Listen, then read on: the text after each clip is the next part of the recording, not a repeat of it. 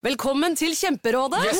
Denne gangen har vi fått inn et kjempedilemma fra en familie. Okay. Jeg leser Hei, vi er litt uenige i familien her. Mm. Hvis du skulle vært et dyr, ville du hatt gjeller eller vinger? Oi, den er tricky. Ja, Hva ville dere hatt, da? Altså, jeg vet ikke, men Med familierabatt får du ubegrenset data fra Telenor fra 399 kroner. Da kan du scrolle seg til svaret, rett og slett. Ja, ok, Men for min del Ja. gjelder. Nei, nei, Gjelder. nei, vinger. Nei, nei, gjelder. Ja, okay, ja, Kjempebra. Men eh, se nye mobilabonnement på telenor.no, da.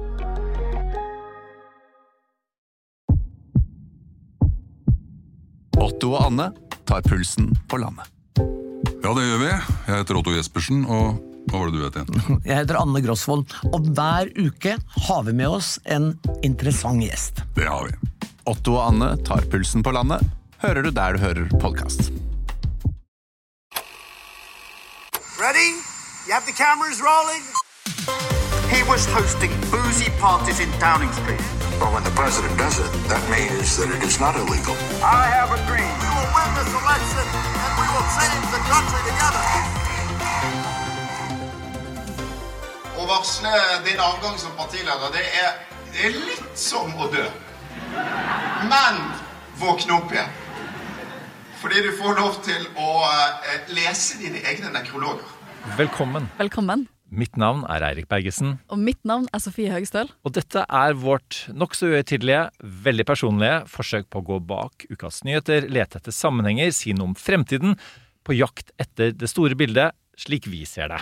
Hver fredag. Og dette er ikke en vanlig fredagsepisode. Dette er vår påskespesialepisode 2023. Og per nå, for dette er spilt inn en uke før, mm. tror vi dette dagen i dag er en onsdag, faktisk. Ja. Så vidt vi vet, så er den en ganske ureligiøs dag. Men Um, påske er jo en høytid, også i Norge. Og når vi satt og snakket sammen om hvem vi hadde lyst til å ha som gjest eh, i denne påskespesialepisoden, så var det faktisk jeg som kom med, med forslaget. At det var, det, det var én person jeg hadde lyst til å snakke med, som jeg har sittet litt i stortingskomiteen med når jeg har vært inn og ut eh, som vara. Og det er deg, Audun Lysbakken. Vi kan jo røpe at du er i studio. Velkommen. Tusen takk. Det var veldig hyggelig å få lov å komme. Eh, Skal vi si god påske nå? Ja. Ja, Ja, god påske. god påske. påske, folkens. god påske. Uh, men dere kjenner jo hverandre. Ja, fordi det, det jeg var interessert i å snakke med deg om, da, em, det var jo altså, seriestart. Det var det jeg håpet vi Ja. skulle snakke om. Brann. em, og nå, nå, vi er, det er to programledere her. Den ene snakker bergensk. Ja. øh, og, holder, og er ikke veldig opptatt av fotball. Jeg syns det er morsomt når det er VM som jeg ikke boikotter. Ja. Ja. Og nå er jo ikke Brann sjelden med i VM, Nei. selv om det, sang, som sangen går, er jo at, at det eneste laget som kan matche Brann, er landslaget. Uh, så um, Men jeg som ikke snakker bergensk, eh, tilhører da faktisk en sånn fraksjon i uh, diaspora bergensis. Som er da østlandstalende gjengen, eller kan for så vidt være andre dialekter òg, men ikke den bergenske. Men for at faren min var oppvokst i Bergen, og hele familien der, og studerte der, og Møtte eh, kona di der og ja. Ja. Så, sånn at det er, så Bergen er nært meg, og Brann er veldig nært meg. Så eh, Audun, vi har jo sett en del kamper sammen opp igjennom. Vi har vært på veldig mange kamper. eh, mye lidelse, noen seire. eh, og var jo da i den, den gjengen som ble utgangspunktet for det som kalles diasporaen, som har blitt et lite fenomen, fordi vi nå har til og med laget forening til eh, da Ja, vi har jo årsmøte og vedtekter, og Eirik og jeg eh, deltar der, og styret har vi. og Eh, og den foreningen har jo to formål. Det ene er å støtte Brann på bortekamper på Østlandet, og det andre er å fremme Bergens kultur og kulturarv. Og vi gjør begge deler med liv og lyst. Ja. jeg, Et av mine tidligste minner er faktisk et brannminne. For jeg er oppvokst i Bergen. eh, og moren min er ikke så fotballinteressert, men min far er det. Og et av mine tidligere minner er at min mor, da kan jeg kan ikke ha vært mer enn tre år gammel, prøver å lære meg Rosenborg-sangen, som hun da fikk meg til å synge når Brann tapte. Og da skjønte jeg bare på sånn uttrykket til pappa at det var, liksom, det var å stikke veldig, veldig dypt. Og, og, og få meg til å, å synge Rosenborg-sangen. Samlivsmessig ganske utfordrende, syns jeg det høres ut som. Ja, jeg, jeg føler da, da, Nå står jeg midt oppi en samlivskrangel mellom foreldrene mine. Det er liksom, det, det, men det er et veldig klart minne, da. Altså, for, altså det er jo, vi- jeg har en tendens til å Eller overdreven bruk av fotballmetaforer. Men eh, Erik Cantona sa en gang at, eh, at du, du, kan, du kan forandre eh, til og med altså, sånn, eh, livssyn, ektefelle, eh, politisk parti, selv om kanskje du vil være uenig i det, Audun, men aldri fotballag. Og det er et eller annet der. Og da Jagland prøvde seg med en sånn Rosenborg-drakt i sin tid. Det gikk veldig dårlig, og, det, nei, men det, og det, grunnen til det er jo at um, hva fotballag du holder med, egentlig jo er et mye dypere spørsmål, for mange av oss i hvert fall, enn et spørsmål om fotball. Ja, Det er klart at Hadde målet i livet bare vært å se vakker fotball og vinne mye, så er det jo ingen av oss som hadde holdt med Brann. Uh, det er en slags form for omsorgssvikt å oppdra unger til å holde med Brann, sånn som uh, jeg gjør. Eh, men eh, eh, det gjør jo at det finnes jo noen sånne relasjoner du faktisk kan endre. I, i Før i tiden så var jeg òg en veldig ivrig fan av Newcastle United. Som mange, mange nordmenn har vært altfor opptatt av engelsk fotball. De ble jo kjøpt opp av Saudi-Arabia. Så da var jeg i stand til å si nei, ferdig. Det er jeg helt ferdig med, det gleder jeg meg ikke over. Men Brann er jo noe annet, fordi for Brann handler om hvor jeg kommer fra. Det, altså det er en dyp del av identiteten min. Og det å stå på den tribunen når vi gjør det, Erik, handler jo egentlig vel så mye om det. Å få liksom kjent på den tilhørigheten og det samholdet. Ja, samtidig da, som Det er interessant at du sier det med Newcastle, for jeg har aldri fått spurt deg om hvordan det gikk til slutt. For vi hadde deg med på eh, Norske tilstander på TV 2 i fjor, i forbindelse med EM og om sportsvasking. Eh, Og da var det jo snakk om at nyskassa skulle bli kjøpt, og da var du veldig tydelig på at nei, men da er det slutt for min del. Eh, og fordi at enkelte mennesker har gjort fotball til politikk, eh, som, som, som du svarte godt i det programmet, at det er jo ikke det, det, jo ikke det at, at vi, holdt jeg på å si, som, som har gjort det, til, til at det er en arena for man skal på en måte faktisk må holde noen unna pga. politikken sin. Det er de som har måttet eh, shanghaiet fotballen da, og idretten og OL osv. til sin nytte. Men da endte det faktisk med at du ikke lenger heier på Newcastle. Så Ja. var det Brann for alle pengene. Ja, altså De var til og med i ligacupfinalen for ikke så lenge siden. Jeg så ikke på det. Men, men det skal sies at det har jo vært enklere for meg enn en del andre jeg vet om. At jeg hadde allerede liksom over mange år gjort meg mer og mer ferdig med engelsk fotball. Det var jo sånn at først sant, så kom jo alle milliardærene og gjorde Premier League til sin lekegrind. Det var ille nok for meg, sant. Men men etter de så kom diktatorene og morderne og, og, og skulle gjøre det, de òg? Så, så, så, så jeg har liksom vært i den prosessen fra eh, fra 90-tallet, når jeg satt og hørte på sånn kortbølgeradio for å få BBC inn på lørdagen, liksom, til å egentlig eh, knapt følge med på resultatene. Altså. Men nå er det kanskje noen lyttere, og inkludert Sofie, som er engstelige for at dette bare blir om fotball. Eh, når vi, vi, har jo hatt vår, eh, vi hadde jo vår fotball-VM-episode for øvrig, da. Eh, her. Sofie beveger litt på seg her nå. Ja. og, og det skal det ikke, men Jo, men altså, Jeg ser på fotball med kjæresten min. Han, han heier på Arsenal. Det tenker jeg av og til når jeg ser på engelsk fotball. Jeg tenker akkurat det at Dette er en gjeng med eh, ikke godt voksne menn, unge menn, som tjener helt sinnssyke summer i uken. Altså, det, det, altså Ukeslønnen din hvis du spiller for Arsenal er helt sinnssyk. Fundet av all slags grumsete penger. Og det er det du ser på. Arsenal også er jo Emiratene Ja. mm.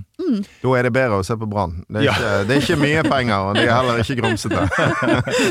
men, men det jeg har lyst til, før vi kvitterer ut den, da, det som spør deg om, er jo eh, Du sa det selv i stad, for du spurte meg om jeg hadde rukket å kjøpe billett til, til semifinalen, eh, og at vi måtte ikke jinxe dette her. Og noen av kanskje er jo planlegger liksom reisen til cupfinalen. Typisk Brann-fans som nå kommer til å jinxe. Det er man alltid livredde for. Um, men eh, TV 2 har, har rett og slett da en sånn, sånn power ranking hvor de spår hvordan serien kommer til å gå, og de har satt Brann på førsteplass. Hva tenker du om det? Jeg er veldig bekymret for det, fordi at det er Altså, for å minne folk om, da, som ikke vet det, de var i eh, Obos-ligaen, altså ikke i Eliteserien engang, i fjor. Ja.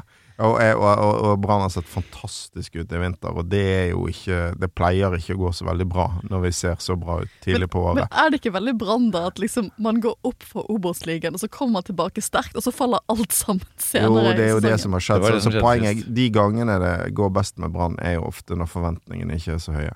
Så jeg er ikke så glad for det, altså. Men det du vel er glad for, eh, som jeg merket meg, var jo at eh, Engen, som vi brannfans kaller de, eh, havna på kvalikplass, ifølge TV 2. Ja, Det kan jeg forstå, fordi at jeg var på den der eh, treningskampen mellom VIF og Brann eh, her i Oslo eh, i begynnelsen av mars. Herlig konsept for øvrig. Fotball fredag klokken eh, to. Så kunne, du, du, så du hvem som eh, hadde de minst viktige jobbene i landet? Det er de som kan gå fredag klokken to for å se, for, for å se treningskamp. Men det var meg, da, og en del andre. Men, men det var det sånn vi, vi, vi snakker mye politikk også, da vi på en måte eh, altså ditt engasjement, da, eh, i, og dette er jo ikke bare på stadion, dette er jo liksom i Facebook-tråder. Eh, Da har vi liksom visst at ok, nå er, nå er det press i SV. Eller ikke, nå er det gode tider. Da er Audun på. Og der spiller eh, transaksjonsrykter liksom godt ut på vinteren, som du har engasjert deg i. Ja, Det er så har imponerende at du kan ha ha vært partileder og hatt tid til en Facebook-gruppe om fotball.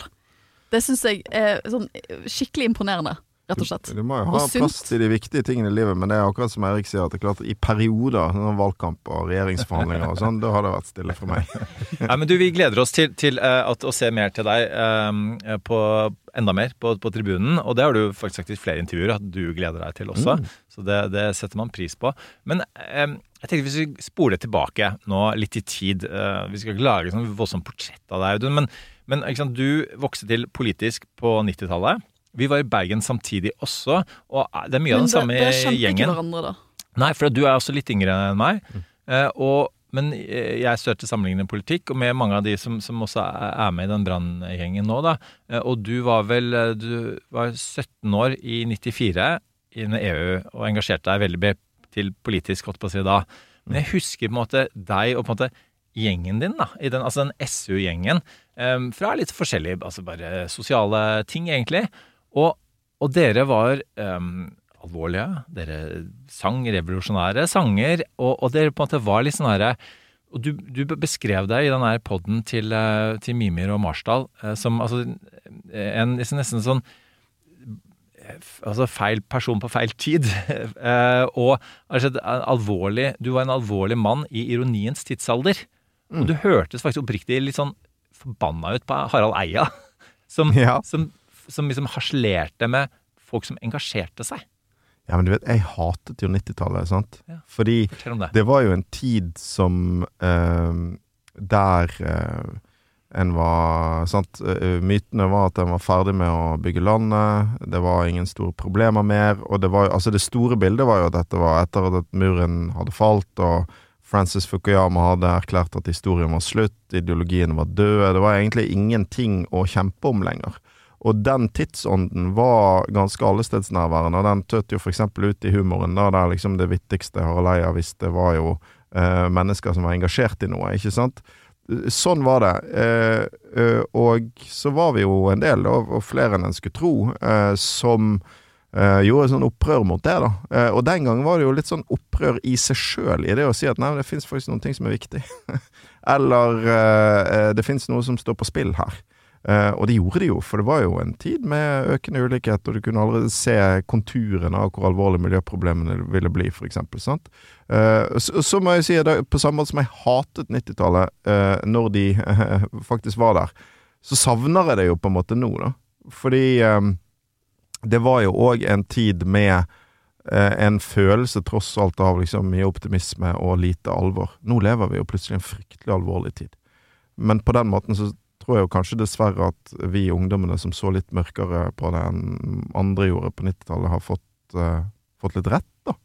Hva, Eh, hva gjorde at du, at du gikk inn i 90-tallet med den følelsen at det er noen ting i verden som er alvorlig? Hvorfor var ikke du, sånn som jeg ser Eirik på 90-tallet, Eirik har jo snakket om 90-tallet før, som glade dager, springer rundt i studd, eh, studdvest og skriver om ting og tang og er optimistisk og superironisk. Hvorfor ble ikke du tatt av den tidsånden? Nei, godt spørsmål. Eh, det var vel fordi jeg ble tatt av noe annet, og det var jo, det var jo som eh, Det var jo eh, venstresiden og det unge radikale miljøet i Bergen, som òg var ganske stort på 90-tallet, faktisk. Og som for min del, som Erik begynte, var inne på, begynte med EU-kampen i 94. Folkeavstemningen, som jo var litt sånn som, som var det helt motsatte av den tidsånden jeg nettopp uh, beskrev. Nemlig en ganske sånn uh, tøff politisk fight, uh, som alle i Norge nesten måtte ta stilling til. og som jo var ekstremt mobiliserende, for det skulle jo avgjøres gjennom en folkeavstemning. Det var jo dødsspennende, og jeg gikk på en skole som heter, eller het BHG, Bergen Handelsgym. Eh, og der hadde da eh, skolen på en måte delt foajeen og sånn gammel ærverdig eh, foajé på det gamle handelsgymnaset. Det var ikke handelsgymnas lenger da, men, men, men bygget var veldig fint og gammelt. Og da hadde ja-siden fått den ene siden av foajeen, og nei-siden den andre, som var veggaviser. Det var masse trøkk. Så jeg ble liksom dratt litt inn i det. da, Og det var jo òg for oss ungdommene som var med, en ganske heftig opplevelse. Så kan man jo, uansett hvor man står på I EU-spørsmålet så er det klart at det var jo definitivt et, et sterkt element av liksom uh, elite og miljøer med mye makt mot miljøer uten. Og den der opplevelsen av at liksom det gikk an å vinne da over helt sånn samstemt media, NHO, de, alle de store partiene all? Det var jo en veldig sånn effektiv uh, uh, motgift for oss i forhold til den tidsånden. For det var jo tvert imot en opplevelse som sa herregud, du kan få til hva som helst, ikke sant? Så du gikk ut av det med en følelse at nå var jeg med på å vinne en viktig kamp? Ja. Og, Mo- Mot eliten? Ja, og så eh, var det eh, Så ble jeg eh, derfra sånn trukket inn i Natur og Ungdom i Bergen. Vi jobbet mye med lokale miljøspørsmål. Altså Som er ganske vittig å tenke på i dag, for kampsakene var jo bybane. det kom jo faktisk. Det var en slags utopi den gangen. Og så drev vi, jeg husker en gang vi okkuperte Festplassen. Det var parkeringsplass på Festplassen. Og vi satte biler på, nei, sorry, sykler på alle parkeringsplassene. Og det var jo et voldsomt bråk, ikke sant? Og det var liksom rasende Hvor folk og gammel sånn. var du da? Nei, da var jeg vel 18 nå. Sant? Eh, og det var jo ingen som skulle, skulle ikke ha seg Altså, skulle jo virkelig ikke ha noe bilfri festplass. Det ble det jo òg, da. men, men jeg synes jo, vi må snakke litt EU også, men bare det der med altså, ja, End of History, som åpenbart ikke var End of History, Mm. og hvor man på en måte lente seg såpass tilbake at man f.eks. slutta å følge med på hva som skjedde i, Russland. Eh, og, og der ble det noen sånne eksperimenter med kapitalisme som jo var noe av årsaken til at, at man endte opp der man er nå, da, med et enda mer autoritativt eh, grep. da. Um, og og du, du, ja, du, sa, du sa så vidt her at, at, at dere fikk jo rett på en måte. Eh, og alvoret har jo virkelig kommet tilbake eh, til, til vår tid. Og jeg tror det var, var Morgenbladet var, var det to helger siden som hadde en sånn 90-talls Nettopp komikerne, da, som, som så tilbake eh, på, på Var det riktig å kødde med alt? på en måte? Spøkte man vekk alvoret? Eh, og, og det er um, Jeg vet ikke om det var noen veldig gode svar på det der, men men altså det, det um, Jeg, jeg syns det er litt sånn spennende å se på nå, da. eh, hvordan den derre Ja, den tiden er kommet tilbake. Og du, på en måte så er det jo um, Jeg skal snakke enda mer om avgangen din nå, men det er jo nå vi trenger deg, Audun Lysbakken. Er jo, det er jo, det, det er jo, dette er jo din Det er dette som er din tid. Ja, jeg, jeg, jeg har brukt liksom opp eh, all min tid i politikken kanskje før det virkelig Nei da. Men, eh, nei, men, men jeg faktisk? Nei, men altså, jo, men, jeg, har, jeg har sagt det noen ganger, jeg har kjent på det at sånn Uh, Jeg føler jo egentlig at politikken er viktigere nå enn den har vært noen gang i den tiden jeg har vært med. For det står mye mer på spill nå. Og jeg tror uh, Skal se på 90-tallet igjen, så tror jeg det var liksom tre måter å tenke på som har fått veldig, etter mitt syn, katastrofale følger. Det ene var uh, ideen om at liksom uh, markedsøkonomien er så suveren at uh, du trenger kan regulere den mye mindre, og det kommer bare til å gå kjempebra. Så det er den ideen som har ført til finanskriser og eksplosiv ulikhet, og liksom som er en veldig viktig grunn til eh, hele den suppen vi står oppe i nå. Det har sine røtter i den tiden og den måten å tenke på. Det andre var jo ideen om at demokratiet nesten kan tas for gitt, Mm. fordi det er så overlegent, eh, og alle andre alternativer er ferdig. Det har vært en katastrofal feil, også fordi det gjorde demokratiet og mange demokratiske politikere ganske arrogante, tror jeg. Man, eh, det fins ingen alternativer, så kan vi ture fram med ting som er upopulært, eller viske ut alle forskjellene i politikken. Og det tredje var jo, som du var inne på, ideen om at eh, det blir ikke noe mer krig. Uh, stormaktspolitikk er ferdig, nå har vi én supermakt, og, det, og sånn kommer det til å forbli. Det der, eh, det der eh, er det vi sliter med. Jeg, tror, jeg, jeg mener at veldig mye av røttene til det vi sliter med i verden i dag, eh, skyldes den eh, jo eh, Altså, det, det du kan litt enkelt si kalle den nyliberale verdensorden og tenkemåten som dominerte helt på, på 90-tallet. Du tenker det er en del følgefeil rett og slett fra den optimismen og den tidsånden som var på 90-tallet, følger oss i dag inn i, det, inn, Ja, inn i de krisene vi står i nå? Ja, fordi ironien er jo at det som på en måte skulle være en tid hvor man sa at nå er ideologiene døde og de store ideene eh, er over, ble til en nesten sånn fundamentalistisk tro på et sett med ting. Sant? Ideen om at en veldig liberal økonomi eh, og eh, demokrati er det eneste mulige. Det er egentlig en ganske sånn fundamentalistisk tankegang. Sånn at he hele ideen om at ideologiene var døde, ble til diger, et digert ideologisk dogme i seg sjøl. Eh, og, og, og tror jeg gjorde at at ja. det, jeg mener at mye, mye av røttene til det som har vokst fram uh, seinere, ligger der. Men um, noe av dette her var jo, var det jo venstresiden som sto bak. Du hadde, hadde jo Tony Blair som til og med sa at kanskje er denne generasjonen den første generasjonen som ikke opplever krig i sin tid. Mm. Og så gikk han jo inn og var med å starte to Vi, vi ganske omfattende Um, kriger. Eh, og så hadde en Bill Clinton som også liberaliserte noe voldsomt i eh, i USA eh, og, Wall Street, rett og slett. Og så- ble det en, en finanskrise. Eh, men så hadde du også eh, lederen i SV, Erik Solheim, som også var med og avideologiserte litt. Og der var jo din gjeng da, i Bergen SV det var mye fraksjoner den gangen, på 90-tallet, enda mer enn nå, eh, på et annet sted. Og, da, og det, det som da ble kalt eh, museumsvokterne, som bare, blant annet inkluderte en av mine forelesere på Sampol, Torstein Gjellum, så den Hans Ebbing osv. Altså, der var det jo Du ble jo du, Folk lurte jo fælt på om du hvor marxistisk du egentlig var da når du kom på, på tinget. Altså, fortell litt mer om det, den, det du representerte. Du velger å søke deg til tinget. Hvorfor gjorde du det? Du er, du er i denne gjengen i Bergen. Du tenker nå skal jeg på Stortinget. Mm. Ja, mange interessante ting her på en gang. Fordi at så bare, sant? Jo, men for det, det du hadde på den tiden nå, var en venstreside som i praksis avskaffet seg sjøl. da, når vi var ofte ute etter Erik Solheim, men tenker likevel mer på Blair og Clinton og sånn enn han. Men, men det òg er noe som har fått veldig vidtrekkende konsekvenser, fordi i det øyeblikket venstresiden sluttet å stå for noe annet enn høyresiden gjorde, så fikk det òg, i økonomisk politikk f.eks., som konsekvens at veldig store grupper mennesker ble politisk hjemløse, eh, og har vært det siden. Eh, med den konsekvens at de kan plukkes opp av Trump og Le Pen og, eh, Mm. og så og så tror jeg at vår utfordring for oss som var unge på den tiden, var på venstresiden, var mot det der, var at vi egentlig ikke hadde noe sted å gå. For det var ikke noen tydelige alternativer. Sånn at det vi jo uh, måtte ty til, var jo det som lå igjen fra 70-tallet, liksom. Uh, og det var jo ofte ikke så veldig bra. Uh, og sånn at jeg, jeg mener jo ikke at liksom museumsvokterne i SV hadde på 90-tallet hadde rett i alt. Tvert imot tok de feil i mange ting.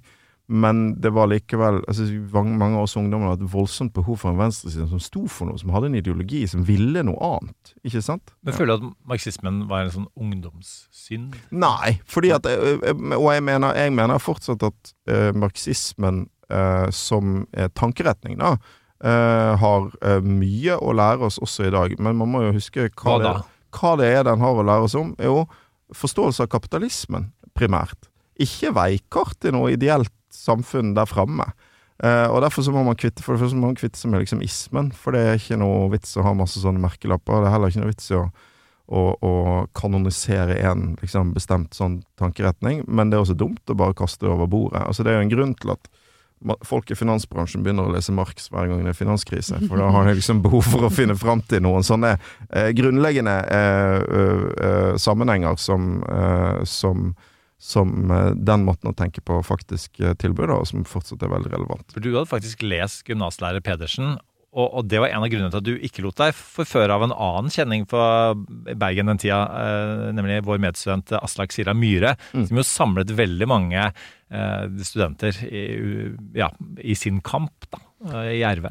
Ja, for det var ikke gitt for meg nødvendigvis at jeg skulle bli SV. Jeg kommer ikke fra noen sånn SV-familie eller noe sånt. Men, eh, og det var mange i det miljøet jeg var som, som ble med i RV på den tiden. Men, eh, men ja, jeg husker blant annet jeg leste gymnaslærer Pedersen og tenkte at det der er jo helt, liksom det er, det er Jeg vet ikke om det var sånn Dag Solstad mente at den romanen skulle fungere, men for meg fungerte han sånn. Det der er så ute at det kan ikke bygge noe Du kan ikke bygge noe framtid på liksom, den ideologiske arven der. Og det, det mener jeg jo ennå.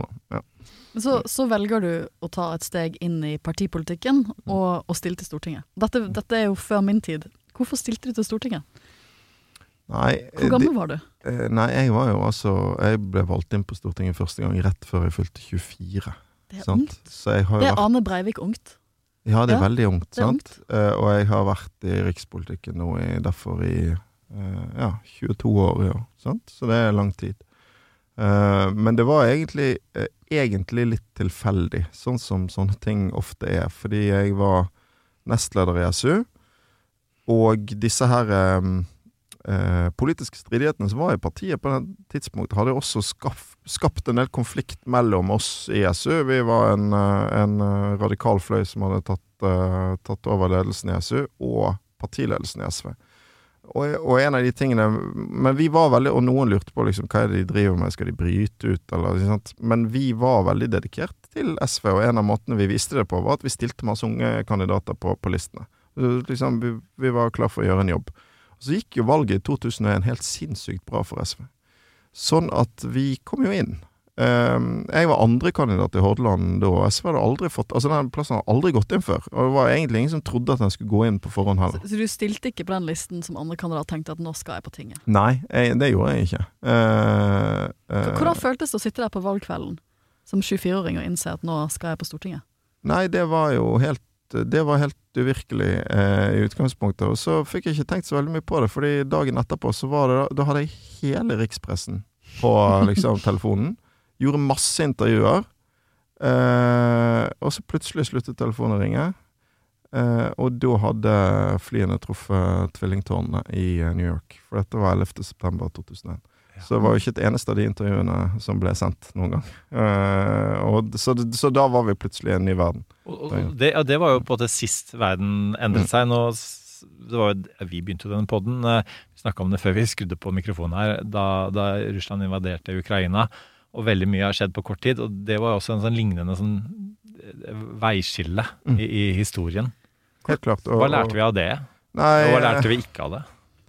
Uh, nei, det var jo også kanskje liksom jeg, jeg tenker at det er noen sånne etapper i veien fra 90-tallet hit, da, hvor du liksom alvoret virkelig kom tilbake. Og det var kanskje på mange måter det første, og så kom Irak-krigen, og så kom finanskrisen, og så har det bare liksom kommet på Hvilken løpende bånd. komité gikk du inn i i Stortinget? Jeg eh, eh, kom da inn i finanskomiteen, og hadde SV tre plasser i finanskomiteen. Jeg tror at ledelsen plasserte meg litt der som nummer tre i finanskomiteen, for det kunne liksom være både et sted hvor jeg kunne utvikle meg og lære mye i tilfelle det skulle vise seg at jeg var en mann for fremtiden, men også være liksom tilstrekkelig gjemt bort hvis dette skulle gå galt. Og litt for å dempe deg også. Litt for at, at Ja, ja, nå, altså litt, fordi- Grunnen til at man satte Kristin Halvorsen som finansminister, var at nå vil hun måtte Altså, forholde seg til Ja, ja, realitetene. vår nummer én i finanskomiteen var Øystein Djupedal, som var da en av Norges mest profilerte politikere, så han tok mesteparten av sendetiden.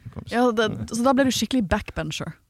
Ja, men det er klart, når du kommer inn som eh, ungdom i en gruppe på 23 representanter, var vi da, så, så gjør du jo det. Ja. Men, men jeg hørte et, et sitat. Du, du hadde ringt Magnus Marsdal, og så sa du at eh, et, et av de tidlige inntrykkene dine fra, fra Stortinget er at eh, SV Altså vi eller den delen av SV du var en del av, vi har bare ideologi, vi har ikke politikk. Her driver man med noe som heter saker. ja, altså, eh, det var kanskje satt litt på spissen. Jeg husker ikke helt på den måten, men, men grunngreien var jo riktig, sant? At du kan ha du kan, Vi var veldig opptatt av liksom de store spørsmålene. Og det mener jeg jo jeg var veldig sunt, da. Og igjen, eh, det var jo en slags motreaksjon på det der vi nettopp har snakket om eh, liksom, behovet for ideologi og tanker og sånn. Men, men det er jo ikke det er jo likevel ikke det som er den viktigste drivkraften for, eh, for folk i politikken. Det er jo enkeltsakene. Eh, og sånn sett var jo det å jobbe eh, som folkevalgt en utrolig god skole. Liksom å ta, ta, det, ta det helt ned til, til hverdagspolitikken, som jo er det som, som avgjør. Og, og, og engasjere seg i alle de små spørsmålene, ikke bare de store. Og det var viktig uh, for meg. Så da var det Jeg husker uh, jeg tok opp blant annet og Det var tre bønder i Hordaland sin siste veiløse grend inne i Åkrafjorden. Ja, de fikk ikke ut geitemelken sin, for det var noe tull med en båt. Det tok jeg opp på Stortinget. Og det tenker jeg litt sånn Jeg mener at det liksom Jeg syns at det er der en må prøve å være som folkevalgt. Du skal være opptatt av tidens store spørsmål, men det må òg være sånn at eh, at helt, liksom, helt lokale spørsmål som er viktige for noen veldig få mennesker, skal du også ta opp, for du skal være ombud og tillitsvalgt. Utenifra, når jeg ser på din karriere, så, jeg, så tenker jeg at jeg, jeg, jeg prøver å tenke går på når jeg oppdaget deg som politiker. Det, det må ha vært når du ble statsråd, for min del, tror jeg. Um, og, og utenifra så kan det jo se ut som om din politiske karriere, karriere bare har gått oppover, oppover, oppover, oppover, oppover. Har det føltes sånn selv? Eller har det føltes som det har vært ganske mye svingninger i realiteten, selv om du har klatret eh, i partisystemet og for så vidt i regjeringssystemet eh, ganske tidlig i karrieren, da? Ja, nei, altså ehm, Jeg er også bare en eh, sånn parentes. Jeg er ikke så glad i ordet politisk karriere. For jeg er sånn jeg er opptatt av at liksom en skal Jeg mener at drivkraften skal være noe annet enn det. Men, men, men det er klart at Muligheten til å utøve makt. Ja, men det vil alltid være, det vil alltid være en kombinasjon, tror jeg, da, mellom idealisme og ambisjon. Eh, for de fleste norske politikere, heldigvis. Noen tror jo at det bare er ambisjon og maktlyst, men jeg kjenner egentlig ingen fra noe parti på Stortinget som ikke liksom dypest sett er liksom drevet av et sterkt ønske om å få gjort noe som man brenner for. Heldigvis. Men eh, Nei, men det har jo definitivt ikke gått bare oppover. Altså for det første var de første årene ganske tøffe. fordi at da var liksom det var jo ikke, altså Når du sitter der som nummer tre i en komité for et parti, så får ikke du så veldig mye oppmerksomhet. Og du har ikke så mange store saker å jobbe med. Sant? Så det synes jeg, Og så var jeg ute av Stortinget en periode, eh, men da ble jeg valgt til nestleder i partiet, og var den første regjeringsperioden liksom den skulle snakke for partiet, da, når vi var uenige med regjeringen. Og så eh, hadde jeg jo en ordentlig smell, sant, fordi eh, jeg gikk jo av som statsråd rett før jeg ble valgt til partileder. Eh, og den første tiden som partileder var jo veldig, veldig tøff. Og det tok jo egentlig mange år før vi fikk sving på ting. Så det kunne gått helt galt òg. Vi var 1800 stemmer fra sperregrensen i 2013. Det husker jeg veldig godt. Jeg husker den pressekonferansen veldig godt. Jeg syns det var tøft da dere gjorde pressekonferansen, for jeg har, har, har, jo vært aktiv av og på i Venstre, men har, hadde jo på det tidspunktet bodd mye i utlandet. Jeg bodde i utlandet fra jeg ble 18 til jeg ble 27, mer eller mindre sammenhengende, med unntak av ett år i Bergen, for å fornorske meg litt og få jobbe med dialekten. Men da, Jeg husker pressekonferansen godt, for jeg tenkte at det var smart å være ærlig om ståa. Man kan, man kan angripe det på to måter. Man kan enten gå i masse intervjuer og si at 'jeg går kjempebra'. Meningsmålingene er litt lave, men, men altså, vi vet at det er mange entusiastiske velgere på bakken. Mm. Å prøve å stå i et sånn type narrativ, det er veldig vanskelig. Mm. Eller så kan man velge å si vet du hva, nei, nå, nå er det krise. Nå er det litt krise. Mm. Jeg, jeg, hadde veldig respekt for det valget, for jeg syns det var ærlig. Og jeg tror også det var en av grunnene til at dere løftet dere opp over sperregrensen på valgdagen. Men ja. føltes det sårbart å ha en sånn pressekonferanse? Eh, ja, det gjorde det. For altså, grunnrefleksen i alle partier er alltid å si liksom at vi tror tallene er mye bedre enn det de viser, og det er en helt annen stemning på gaten, og, mm. og så videre og så videre. Mm. Sant? Uh, men uh, vi hadde da i den valgkampen fått Altså Jeg husker veldig godt, for vi hadde en sånn kampanjebuss, og jeg var i Indre Troms med den. Eh, og så ringte Aftenposten, og hadde vi en måling på jeg husker ikke nøyaktig, men det var sånn 2,2 ja. Altså Det var liksom helt, helt utrolig elendig. ikke sant? Og det var to og en halv uke igjen til valget. Eh, så vi så jo at vi holdt på å skli utfor. Eh, og da, det var da vi bestemte oss for at ok, men nå, vi må bare skifte altså, akkurat, akkurat, nå så Nå er jeg i en sånn situasjon som bare erkjenner at liksom Ok, folk elsker oss ikke nå. Uh, så da er jo spørsmålet egentlig liksom å erkjenne det, da. Og så, si, og så prøve å nå ut med det som ble budskapet vårt de siste to ukene. Det var liksom at ok, uh, uh, vi er i dype problemer. Det som er spørsmålet nå, er vil du ha en venstreside på Stortinget eller ikke. Mm. Og hvis du vil ha det, så må du faktisk hjelpe oss over. Vi, vi, må, vi må, spole vi litt, må spole litt fram, fram. Og, det, og det var, for det skjedde jo veldig mye på slutten av din holdt på å si karriere, men din tid som, eh, som eh, leder i SV. Nemlig både eh, da dere valgte å ikke gå inn i regjering, altså det som skjedde på Hurdal, eh, og Nato-prosessen. Det var egentlig Nato-prosessen jeg var mest interessert i. Jeg, jeg, jeg syns det er veldig spennende å høre om din politiske karriere. Litt fordi at eh, jeg opplever deg som så åpen, og, og grunnen til at jeg spurte om dette med sånn utenifra ser det ut som én ting. Min erfaring er at ting som jeg, kjennes jo personlig veldig sjelden sånn det ser utenfra. Jeg mm. tenker jo, jeg, Hver eneste gang jeg er på Stortinget som varer, så føler jeg meg skikkelig dum. Jeg kan ingenting. Har ikke tid til å sette meg inn i sakene. Uh, jeg tenker Det tar mange år på Stortinget å føle seg Jeg tror liksom det må være dikotomien da når du er valgt inn, at du plutselig skal ha det vervet. Og du skal, være, du skal ha tyngde, du skal kunne sakene, men så er det så det er veldig mye å sette seg inn i. Og, og som du sier, hvis du er en liten hjul i et ganske stort verk, så kan det føles ganske Man kan føle seg ganske ydmyk i møte med, med det. Uh, så jeg, jeg syns det er veldig interessant å høre noen som tross alt da har vært partileder og har vært statsråd. Men det, det var dette Nato-spørsmålet jeg var mest interessert. Så vet jeg at Eirik var veldig inspirert i Hurdal, så da skal du få lov til å gå først om Hurdal-plattformen. uh, fordi, fordi det igjen, nå skal jeg prøve å bruke K-ordet, karriere. Men altså, du, du, du kunne da, hvis utviklingen utviklingen gått litt annerledes på Hurdal, vært, vært en av partilederne i, i regjeringen. Du kunne hatt en prominent eh, statsrådpost, eh, og, og kanskje du ikke ville valgt å gå av akkurat nå. Um, og så ble det ikke sånn. Og så, uh, og så lurer jeg litt på hva, hva var det egentlig som, som skjedde? Hvordan ser du tilbake på det nå? Hvor godt står du i som den, den avgjørelsen? Eh, nei, jeg står godt i den. Jeg mener den uh, har vist seg å være riktig fordi jeg er veldig trygg på at det som vi har fått til så langt i perioden, og det SV får ut av de forhandlingene i Stortinget, uh, helt sikkert ikke er mindre, og sannsynligvis overgår det som hadde vært mulig å få til innad i en koalisjon. Og Det kan i utgangspunktet også litt rart ut, fordi at et, et Grunnen til at alle ble så overrasket over det som skjedde på Hurdal, tror jeg, er at en regner liksom med, og sånn har det alltid vært fram til det, at når noen setter seg ned for å forhandle, så blir de enige. Uh, og en viktig grunn til at det er sånn, er at det er veldig lett å tenke at det tross alt alltid ligger mest makt i regjering.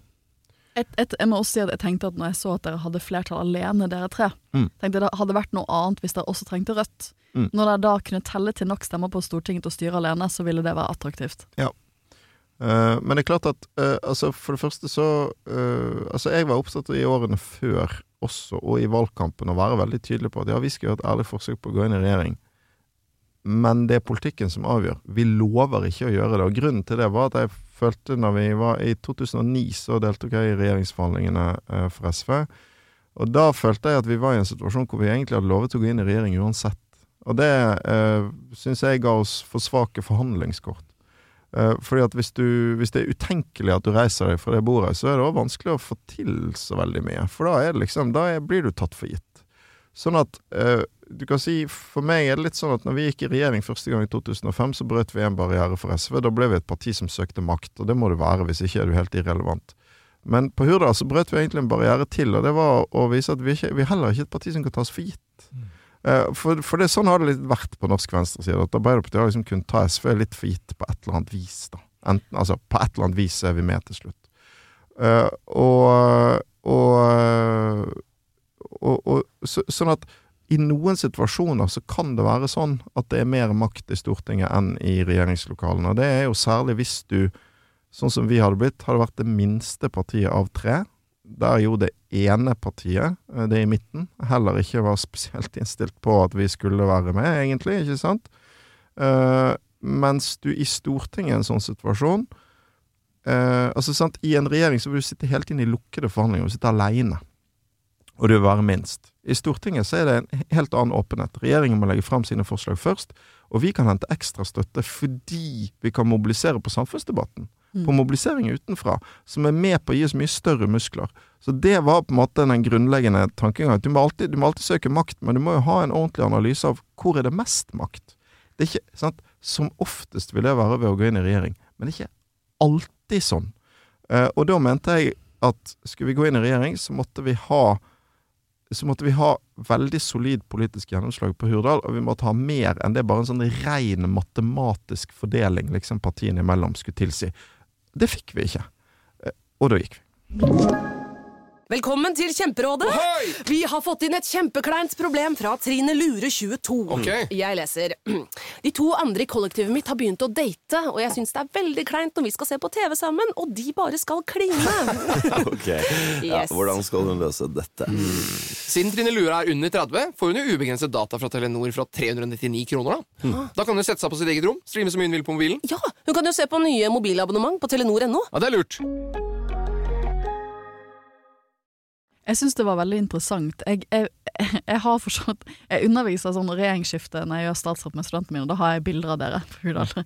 Liksom, og så spør jeg de, jeg spør de mot liksom, uh, forklare meg hva de tror neste steg er. Og noen som er litt mer politisk påkoblet Jeg har alltid noen uh, gode studenter som også er aktive i SU. De vil si at ja, men det skal forhandles, og så har vi bilder av dere forhandlere. Jeg, jeg syns det var veldig interessant å følge de forhandlingene. For jeg føler SV og Venstre har jo fulgt hverandre litt i den forstand at vi så hva som skjedde med dere i regjering. Jeg var jo ikke ordentlig aktiv i Venstre i 2013, da hadde jeg nettopp flyttet tilbake til Norge. Uh, så jeg var ikke på noen måte involvert i noe av, av de regjeringsforhandlingene. Men man hadde jo sett det som skjedde med dere, og så velger Venstre å ikke gå inn i regjering i 2013. Litt på samme type grunnlag. Uh, og så velger man å gå inn neste gang. Det, det er jo ganske vanskelig valg å ta, for du vet, for du, du, du vet liksom ikke helt hva, hvordan det vil utspille seg over tid.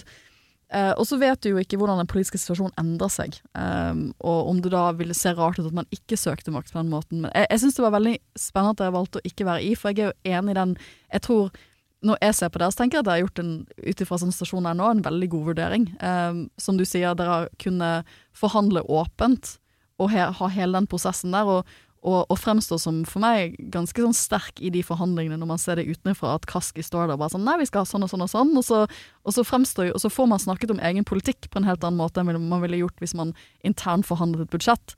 Men så, og så har man jo også grunnleggende respekt for å si nei til regjeringskontorene. For det må jo være attraktivt når man sitter der og tenker sånn Du har jo vært statsråd før, du vet hvor mye man kan gjøre når man først sitter i den posisjonen som går på daglig drift av departementet, som, som man ikke har muligheten for når man står utenfor. Eh, og det å liksom stå i det valget, det syns jeg er å, å, ta partiet sitt med seg, ikke minst på den, forankre det godt nok, det syns jeg er imponerende. For, for var det en sånn Hvordan var den dialogen med partiet når du, når du sitter der og skal forhandle dette? Det er klart at uh, Sånne forhandlinger er det jo uh, få mennesker som er involvert i. Sant? Sånn at uh, Det er jo veldig viktig å ha forankret det godt på forhånd. Vi hadde, men vi hadde hatt en brei debatt i partiet, sånn at vi hadde noen tydelige mandater. Vi hadde med oss uh, kan si, jeg tror en klar forståelse i stortingsgruppe og landsstyre hva vi måtte få til. Uh, og så hadde vi i stor grad av tillit, sånn at uh, når vi kom ut derfra, jeg og Kirsti og Torgeir, og sa dette går ikke, så stolte folk på det. for det, og det er, selvfølgelig, det er selvfølgelig nødvendig. Men vi var jo ikke sikre på at det kom til å bli en suksess. Altså, jeg husker på, rett før vi skulle ut og møte pressen, og da da hadde vi jo sant, vi hadde, Det var mye frem og tilbake, og vi til slutt skjønte vi, vi er bare nødt til å dra herifra. Da hadde vi fått uh, vi, vi, hadde på forhånd, liksom på natten der, pakket alle kofferter og fått de liksom smuglet ut i biler og sånn, sånn at vi skulle kunne komme oss fort av gårde. Ja, men fordi at du kan ikke ha liksom Du kan ikke komme forbi hele pressekorpset med liksom trillekoffert, og så jeg må hente litt mer bagasje og inn sant? Du vært sånn som Mesterens mester, at du alle må pakke før nattesten. I tilfelle du blir valgt ja, ut. Ja, men det var litt sånn. Det var litt sånn. Men jeg husker jeg sa til Kirsti og Torgeir at uh, jeg tar denne pressekonferansen alene for det her kan, dette kan gå skikkelig galt. For Folk håpet jo at vi skulle få det til. sant? Altså, Jeg håpet at det skulle være regjering. Ja. Så, så, er det i hvert fall ikke Så kan jeg ta den smellen alene uten at dere blir preget av Men det skulle jo ikke de ha noe av, selvfølgelig, fordi eh, vi sto sammen om det. De ble med ut. Det, men det viste seg jo at eh, Det viste seg at det, det, var ikke sånn det ble mottatt i det hele tatt. Og jeg, jeg tror nettopp grunnen til det var at for, Ganske mange mennesker tror at det viktigste for politikere er å få kjøre svart bil. Så jeg opplevde at det var ganske mange mennesker som ble sånn Wow, det var liksom Det sto det respekt av. Ja. Uh, og, og, fikk litt mer tro på, på, politikken og sånn av det. da Og det var jeg egentlig uforberedt på, men det var jo bra. Mm. Og, og det er et godt poeng, fordi at eh, du ser du på politikk ellers i verden i dag, så tenker man sånn er de, Hva er de folka ute etter, egentlig? Er det bare makt for maktens skyld? Uh, og det ser man mer nok altså, I hvert fall unntaket som bekrefter regelen. Da. Eh, så tenker jeg altså, Det er to andre ting som man har, har lært. Eh, det ene er at eh, det hadde vært veldig bra for regjeringen om dere hadde vært der. Eh, og at jammen viste at dere ikke var med å bestemme budsjettene likevel, bl.a. på oljeregulering osv. Så, videre. så hvis dere bare hadde fått lov til det første gangen, så hadde man sluppet kanskje alt dette her. Mm. Eh, og den siste tingen også, tenker jeg, som også har satt seg litt, som jeg skjønner det på en måte har kommet fram etter hvert, at, at det at du og dere hadde en behov for at det store rød-grønne flertallet som var, også, også ganske altså, venstreorientert valgresultat, ikke ble gjenspeilet i den regjeringen som nå sitter. Mm. Eh, og, og, det er også en del følgefeil eh, ved det. Men med det, Sofie, skal vi ja, hoppe over til hoppe Nato. NATO for jeg tenker at En av de grunnene når du snakker om sånn at du kunne forankre dette i partiet og ta med det partiet ditt på å velge å ikke være i regjering når det har stått utenfor regjeringskontorene ganske mange år og Det sikkert var mange som hadde gledet seg til å kunne komme i posisjon, lede Miljødepartementet. ikke sant? Sette ut til verks den politikken man har vært med å vedta på et landsmøte. Det vitner jo om at du er en leder som hadde veldig stor autoritet og tyngde og respekt i eget parti. Og, og for det, Først tok du liksom partiet gjennom dette veivalget å stå utenfor regjering. Og så skal du ta partiet gjennom en, et, et Nato-spørsmål, i en tid hvor Nato-spørsmålet Jeg får alltid spørsmålet hvorfor, hvorfor er du ikke medlem av SV. Og det er flere ting man kunne svart på det, men ofte har det vært Nato som har vært mitt, eh, eh, og, og, EU for så vidt. Ikke, ikke, det at jeg elsker Nato, men, men som et sånt standpunkt som hadde vært vanskelig for meg å stå i. Eh, så skal du liksom snu Nato-standpunktet, eller vri litt om på Nato-standpunktet til partiet i en tid hvor det ikke er en teoretisk diskusjon lenger, hvor det er en veldig reell diskusjon. Hvordan var det å gå inn i den prosessen? Nå skjønte du at det var dette som, som skulle at, at det kom til å bli en sånn type Nato-prosess i SV? Eh, kort tid etter 24. februar, men også, særlig når eh, Finland begynte å snakke seriøst om å søke Om NATO, medlemskap. ja. Mm. Eh, og, og det er klart at jeg hadde jo ikke sett for meg at det siste jeg skulle gjøre som SV-leder, var å lede den prosessen. Det hadde jeg virkelig ikke. Og, og grunnen til det er at jeg, jeg, har, eh, jeg har alltid stått helt inne for partiet sitt NATO, uh, sin Nato-linje. Ikke fordi det med utmelding har vært et veldig aktuelt spørsmål, men fordi prinsipielt så har jeg alltid ment, og mener fortsatt, at det beste alternativet for Norge ville vært et nordisk samarbeid som ikke var avhengig av USA. Og, og det har nesten blitt sånn Dette har vært så lite diskutert i norsk offentlighet så lenge at det liksom framstår som et sånn eksotisk og rart standpunkt. Men hvis du ser, ser på det, så mener jo jeg at det er, sant? det er mange åpenbart problematiske sider med Nato. Sant? Det er ikke uh, opplagt, for å si det mildt, at det er i Norges grunnleggende interesse å være så avhengig av en stormakt med så mange egne interesser. Sant? Altså, vi var inne på Irak-krigen i sted, ikke sant? Afghanistan. Uh, vi har blitt trukket inn i kriger andre steder i, i verden. Uh, Nato har dypt problematisk for til atomvåpen osv. Ikke sant? Så al- altså atomvåpen jeg, jeg kunne nevne altså, Orban, Erdogan, sant? Ja. Og ikke minst det at USA er så ustabil akkurat nå. Mm. Gir det meg masse tillit til NATO, NATO, det som skjer i USA nå? Nei. Nei. Og hvilken trygghet har vi egentlig for de sikkerhetsgarantiene, eh, når du ser hvordan altså bare nå eh, støtten til Ukraina kan stå og falle på DeSantis eh, Trump. Men så skjer det jo to, for meg, eh, ekstremt store omveltninger i løpet av 2022. Det ene er krigen i, i Ukraina, hvor jeg jo eh, Jeg tilhører den delen av venstresiden som heldigvis har vært helt dominerende i Norden, eh, men som dessverre ikke er det en del andre steder i verden. Som, som, som ser på den krigen som ja, For det første så er vår støtte til Ukraina eh, motivert ut ifra det som har vært grunnleggende for, for venstresiden. En, en antiimperialisme, en motstand mot uh, stormaktspolitikk, et forsvar for folkerett og for mindre staters rettigheter. Men, men jeg mener i tillegg har en tilleggsdimensjon som det frustrerer meg veldig at en del folk på venstresiden ikke ser. Og det at sånn, jeg, jeg er ekstremt opptatt av faren fra ytre høyre den nye autoritære ytre høyre. Som er, så kan man diskutere fascisme eller ikke, hva er riktig merkelapp, men, men sant, vi står overfor eh, noe veldig farlig som vi burde være i stand til å gjenkjenne fra historien, men som mange ikke klarer å gjenkjenne. Også en del folk på venstresiden eh, rundt om i, i verden, og noen i, i Norge.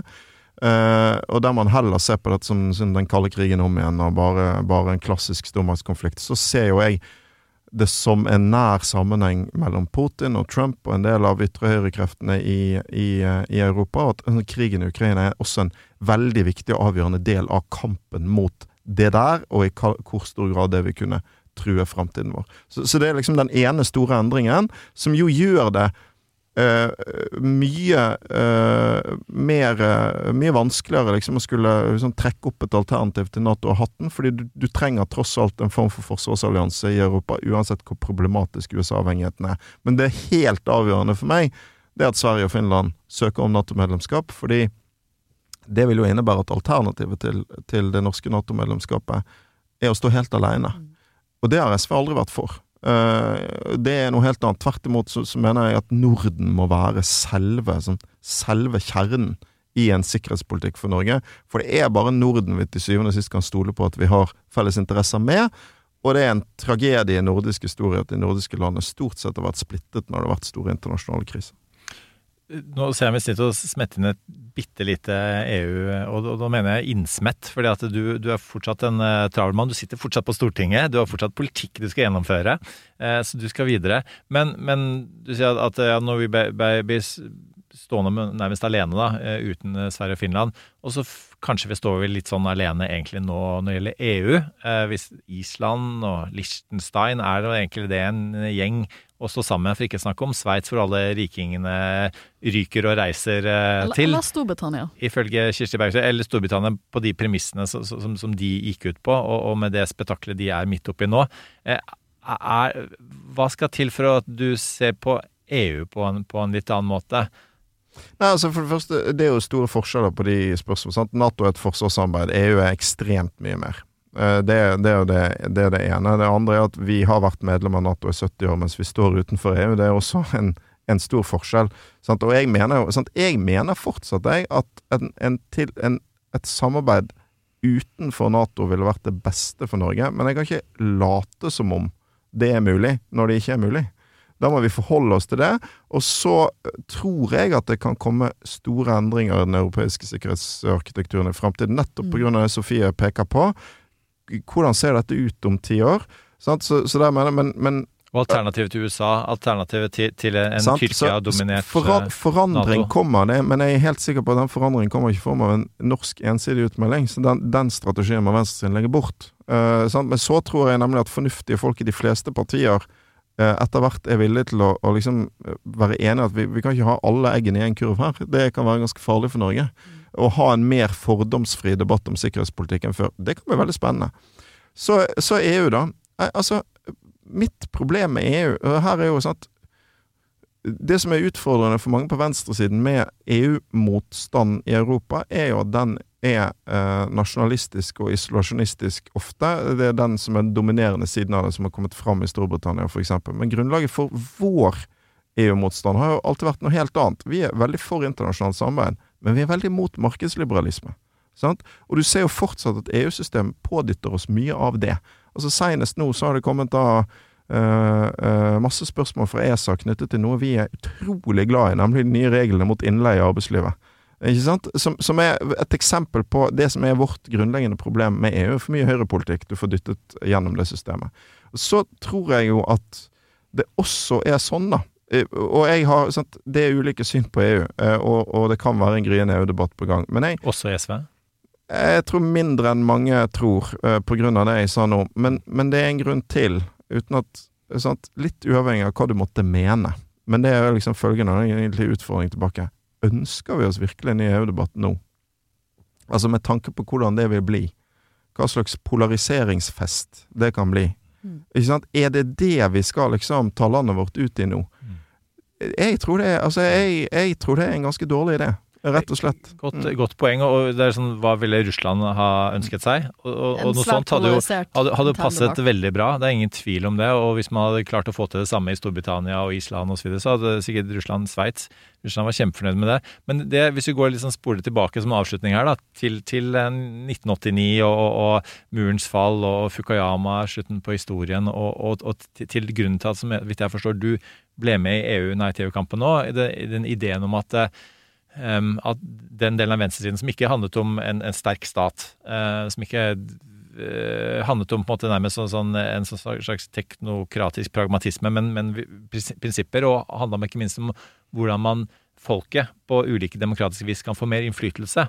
Um, eh, så, så tenker jeg at som tidligere EU-byråkrat kunne jeg tenkt meg at Norge kunne gå inn i EU og påvirke EU i den retningen, gitt at EU nå tross alt eksisterer, og at vi nok dessverre er med bundet av mange av deres eh, beslutninger, selv om vi ikke er med. da. Um, og at, det kunne i hvert fall være noe man diskuterte i, i en eh, EU-kamp. da. Her tror jeg det hadde vært, eh, vært nyttig.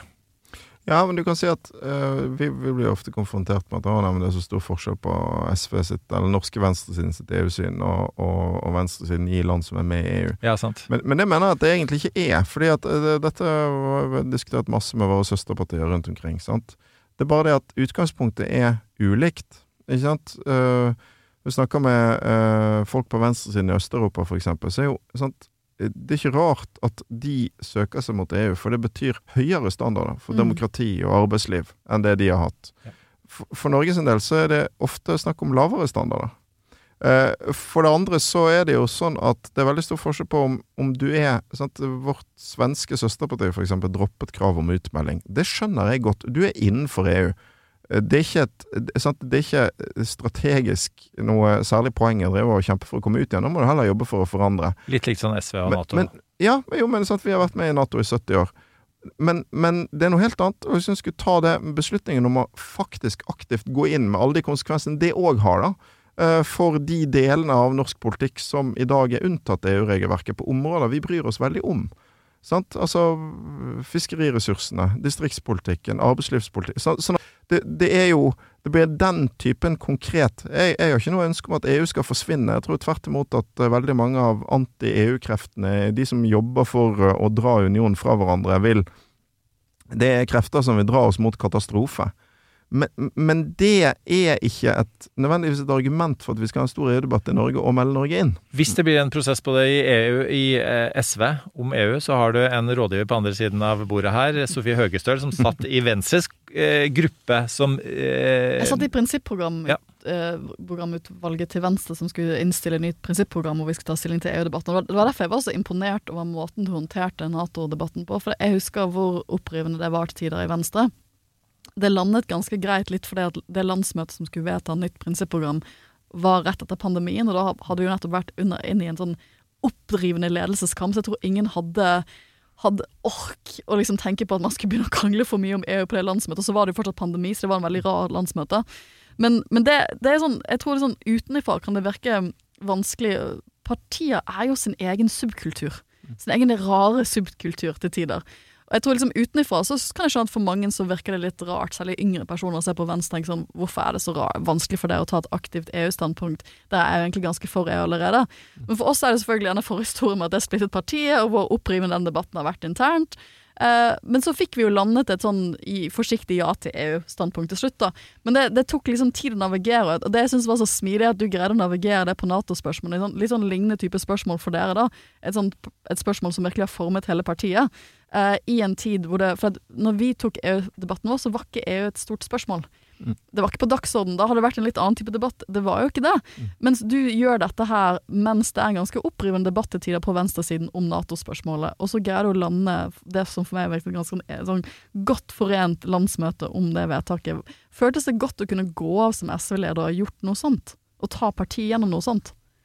Ja, i hvert fall øh, øh, fordi partiet sto ganske godt sammen, og jeg tror folk med ulikt syn levde godt med det. Og grunnen, grunnen til at det var sånn, er at vi er i, i mangt og mye enige om den grunnleggende analysen, og fortsatt kritikken av Nato- og USA-avhengigheten som vi har vært inne på. ikke sant? Men jeg tror, men for meg har det vært viktig å understreke at vi kan ikke la politiske standpunkt bli et spørsmål om identitet. Det er noen som driver og snakker om partier sin sjel og SV sin sjel. Jeg hater det. Sånn, partier har ikke sjel. Partiet er et redskap for å utvikle svar som vi trenger her og nå. Så har vi noen prinsipper. Og de, kan, de, de må være faste, men så må de anvendes på ulikt vis på, på, på ny tid. Og, det, og jeg tror det er liksom det, det der med EU-spørsmålet blir fort sånn Det er lett at det blir et identitetsspørsmål, fordi at det blir et spørsmål om er du internasjonalist eller nasjonalist? sant? Jeg vil jo definitivt si at jeg er internasjonalist. sant? Eh, men, men og, og jeg tror derfor for en del andre folk som også er kan si, veldig internasjonalt orienterte, så blir det liksom vanskelig å forstå, nesten vanskelig å akseptere at SV står der vi står i EU-kampen. fordi vi er jo også det. For solidaritet med andre land og flyktningpolitikk og internasjonalt samarbeid og mest mulig av det.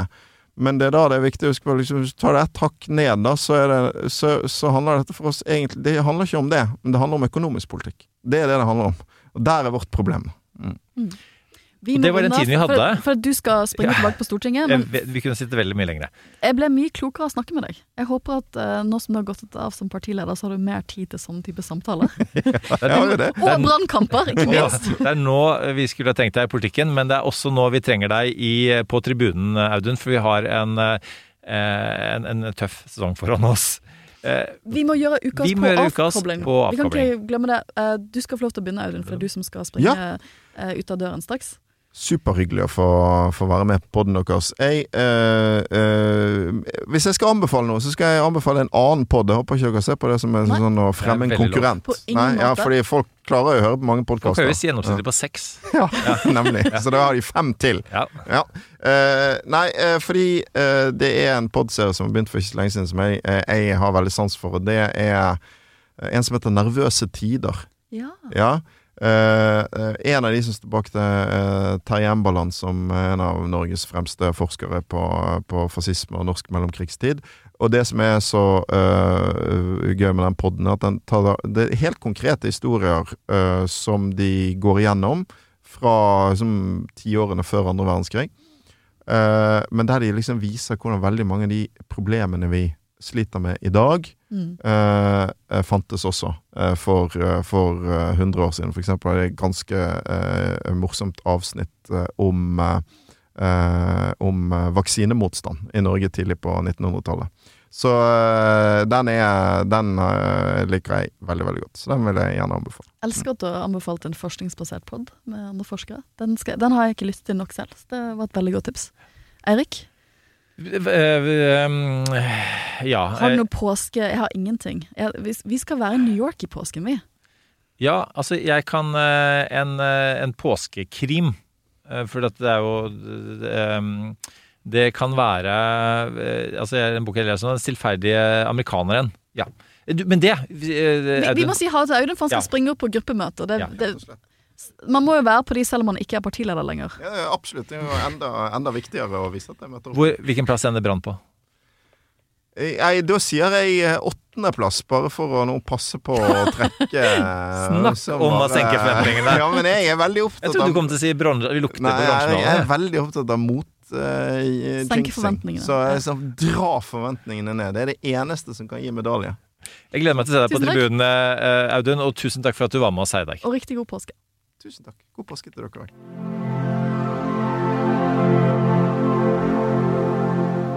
Altså, Nå har Audun eh, Lysbakken forlatt studio her, så vi kan jo skryte litt av han. Jeg må, jeg må si at det, det var utrolig fint å ha han på podden. En av, en av det var mange grunner. Jeg syns han er veldig spennende. Jeg synes han er veldig spennende å høre på. Men en av grunnene til at jeg ville ha han på podden, er jo at du og jeg, Erik, har jo kritisert SVs standpunkt i Nato-saken. Og, og, og Rødt, for så vidt. Harselert litt. Og harselert litt også til tider. Og da syns jeg det er veldig viktig å, å få inn eh, de personene som faktisk har vært med å bestemme dette, inn i studio for å snakke om det. Og eh, Audun har jo her presentert eh, altså på mange måter altså, den beste versjonen av de argumentene på en måte som gjør oss alle litt klokere på hvorfor, eh, hvorfor han har de standpunktene både om EU og Nato. Og et, et, det syns jeg alltid er så interessant når man får en sånn god samtale, er jo hvor enige man er om mye av det. Og så får man kartlagt hvor man er reelt sett uenig, på en veldig konstruktiv måte. Og så må jeg bare si at han er en utrolig hyggelig fyr. Altså, han, han, man får jo lyst til å stemme på han. Man gjør jo det.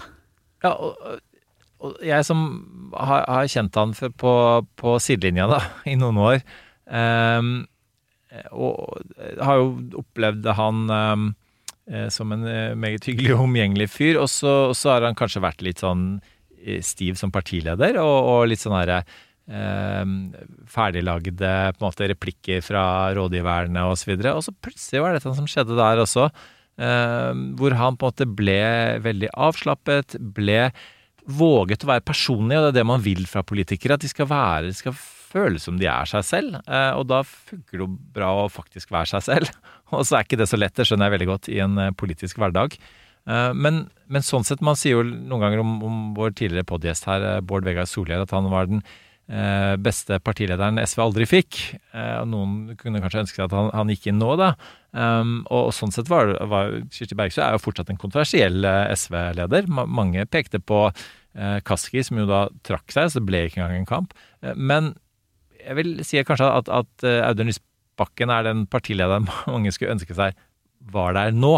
Eh, både den måten han eh, eh, tok SV eh, snudde, snudde de i Nato-standpunktet, og, og, de veldig gode tankene han har da, om, om, om EU-kampen. Det er jo grunn til å håpe at, at, han involverer seg i den kampen. Han er jo fortsatt på Stortinget. Og så syns jeg til, og med, altså, til og med enig i Marx analysen hans her i stad, som handler om at, er, at Marx fortsatt er et Selv om både Audun Lysbakken og Marx har gått ut og sagt at de ikke er marxister eh, lenger, så, så, tenker jeg den, den kritikken av, av, kapitalismen og det som vi var inne på, den derre eh, end of history, hvor man tenkte at nå er liberale demokratiet vunnet for evig og alltid, nå trenger vi ikke diskutere det engang lenger. Eh, vi trenger å diskutere det, eh, og det er, norsk politikk er fattigere uten en Audun Lysbanken som debattant. Men, men, han er der fortsatt. Han er der fortsatt, og igjen, dette er den type samtale jeg elsker å ha, for jeg føler jeg blir så mye klokere uh, av, og opplyst av å ha en sånn samtale. Det er det motsatte av en sånn polarisert debatt, hvor man kommer med talepunkter og, og, og ikke har en reell meningsutveksling, uh, og, og, lytter reelt på den andre personen. Uh, det, jeg syns det er veldig spennende at han nå kan være i offentligheten litt på den måten. For partilederrollen er jo en, da, da innehar du en rolle. Da er ikke nødvendigvis rollen din å kunne sitte og ha den gode samtalen som dette her, og forklare ting åpent. Det, jeg tenker jo at det er en berikelse for offentligheten at han nå kan inneha en sånn type rolle i den tiden vi lever i. De perspektivene han hadde på hans opplevelse av 90-tallet, for dette har vi også snakket om i poden, at 90-tallet som en sånn glanstid, eh, ironiens tid, verden går fremover-tid. Eh, og for hans perspektiv på 90-tallet, og, og, de følgefeilene han ser fra 90-tallet som fortsatt preger mange av de krisene vi står i i dag, det kommer jeg til å tenke på resten av uken. Jeg syns det var kjempeinteressant uh, å få hans perspektiver på det. Så ja, det, det, det, Jeg er veldig spent på å se hva han gjør om fem år. Virkelig. Helt enig. Uh, og om han tar gjenvalg til Stortinget, men det, det, kan vi, det, kan vi, presse han på neste gang han er i studio. Hvis det måtte han kanskje ikke gjøre det. vi får se. Jeg, jeg, men igjen Kanskje han kjører en sånn Aslak Sira Myhre-greie med sånn nasjonalbibliotekar og litt den uh, veien der. Audun Lysbakken er en person som kunne gjort veldig mye forskjellig, for han er en veldig dyktig fyr. Uh, så jeg er genuint veldig spent på å se hva han gjør videre. Men vi må, kjære lytter, dere er jo på påskeferie når dere har hørt det. Vi håper at dere koser dere. Vi skal jo være i USA i påsken. Det blir veldig kjekt. Eh, jeg håper at når du lytter på denne episoden her, så går jeg rundt eh, og spiser eh, ice cream cones. Eller jeg, jeg føler at min liste for ting jeg har lyst til å gjøre i New York så langt Kjæresten min har, skrevet en hel sånn baseball-match, sånn, sånn, sånn sportsting han vil på. Jeg har skrevet ned alle de stedene jeg har lyst til å gå og spise. Og det er mer eller mindre bare sånne Sånne, sånne, sånne ice cream places, Sunday places, bakeristeder og kaffesteder. Så eh, jeg har, håper at jeg gjør det. Jeg håper også at du slapper av, kjære lytter, i, i, påsken. Det er kanskje mitt sånn, sånn eh, avkoblings- og påkoblingstips nå, er, er, å nyte liggende telefon og annen elektronikk og nyte nuet. Jeg vet ikke, du, du, du Eirik leser veldig mye om dagen. Ja, som vanlig, men enda mer enn før, ja, enda har jeg skjønt? mer, tror jeg, bare for at jeg måtte flytte tankene litt på, over på andre ting. Og da, da blir man kanskje sånn da fortaper man seg litt i bøker. Det er det fine med at man blir så oppslukt eh, av det. Altså, det tar så lang tid å lese ferdig. Um, selv om jeg, eh, jeg må innrømme det at jeg hører lydbøker på veldig rask hastighet. Også, og, jeg, jeg får da lest flere. Og det, det er bare man, man, man, må oppøve denne evnen, bare så, for å si det du, sånn. Så du går rundt og hører lydbøker på fort hastighet? Jeg hørte til og med en lydbok om hvor viktig det er å puste, altså pust og meditasjon, på dobbel lesehastighet. Eh, og jeg er ganske sikker på at det ikke er meningen. Eh, og så eh, ja, da, altså, da, jeg virkelig trengte å puste litt godt nå de siste par ukene, så, har jeg justert litt ned, altså. Men, men nei, veldig mye hører jeg på, på dobbel. Da blir man ferdig på halve tiden. Og jeg har har hatt noen fine leseopplevelser. Jeg vet at mange hører på, eller, eller leser, uh, bøker um, i uh, påska. Uh, og, og hva jeg, er dine toppanbefalinger? Ja, altså jeg måtte innom Jeg har, har en del bøker som jeg, jeg kommer tilbake til og leser. og 1984, faktisk, av George Orwell, hadde jeg en ny runde på nå. Er altså bare en utrolig presis beskrivelse av mye av den tiden vi lever i nå. Hvor noen insisterer på altså, Hvor man har en sånn, et altså sånn sannhetsministerium. Altså Noen insisterer på at det de sier er sant, og så er det åpenbart at det ikke er det, men de insisterer likevel. Og er faktisk et spennende persondrama også. Den, eh, den anbefaler jeg eh, veldig. Eh, og så Finland ble kåret til, til, det beste Ikke det beste landet å bo i, for det er faktisk Norge. Det blir vi kåret til hvert år. Mens Finland ble kåret til altså, den lykkeligste befolkningen. Altså, De har åpenbart Det er ikke engang grunn til å være den lykkeligste, men de er da likevel. Leste fakta om Finland eh, av eh, Erlend Lo, som er, var eh, deilig. Altså det er altså Apropos 90-tallsironien. Uh, er det én ting som faktisk har holdt seg, uh, så er det Erlend Lo. Så de, de, anbefaler jeg. Og så anbefaler jeg faktisk Orlando av Virginia Woolf, som er altså litt sånn Jeg, jeg kvalifiserer for å være en påskekrim.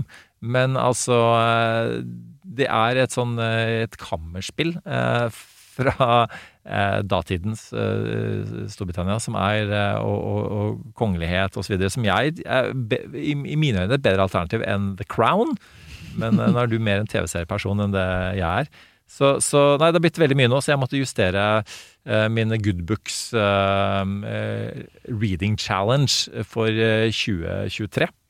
Så, eh, så hvis alt eh, lyktes, så, så kommer jeg til å ende opp på 100 Det er helt eh, sykt.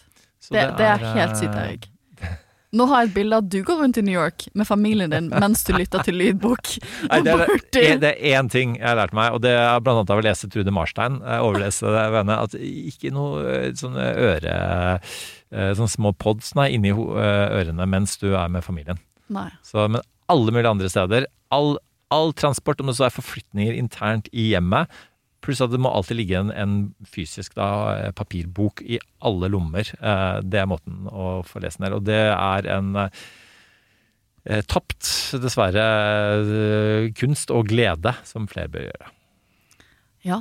Jeg, har jo, jeg holder jo på med en bok om fokus, og hvordan vi mister fokus. Ja. Og det å lese langt er jo en måte å beholde en eller annen fokuseringsevnen vi har Harry. på. Den er altså Jeg, jeg, jeg tenkte at Harry Det er skal en episode bli om det på, på TV 2. Ja, jeg tenkte at det skal bli uh, ukas anbefaling etter hvert. Uh, når jeg leste ferdig og får tenkt litt ferdig om tematikken. Men jeg, som forsker så bruker jeg jo mye tid på å prøve å få hjernen min tilbake til der den har vært når den har vært i god form, da, med tanke på fokus og, og, og, og lang, det å kunne tenke den lange tanken. Eh, for det er et evig jag i den verden vi lever i nå. Og da føler jeg at det å faktisk sitte ned og lese en bok over lengre tid, det er, det er jo, den konsentrasjonsevnen er jo som å trene en muskel, og det å sitte seg ned og lese en bok over en viss tidsperiode er en måte å trene opp den langtidskonsentrasjonsmuskelen som vi alle tror jeg trenger litt mer av eh, i den hverdagen vi lever akkurat nå.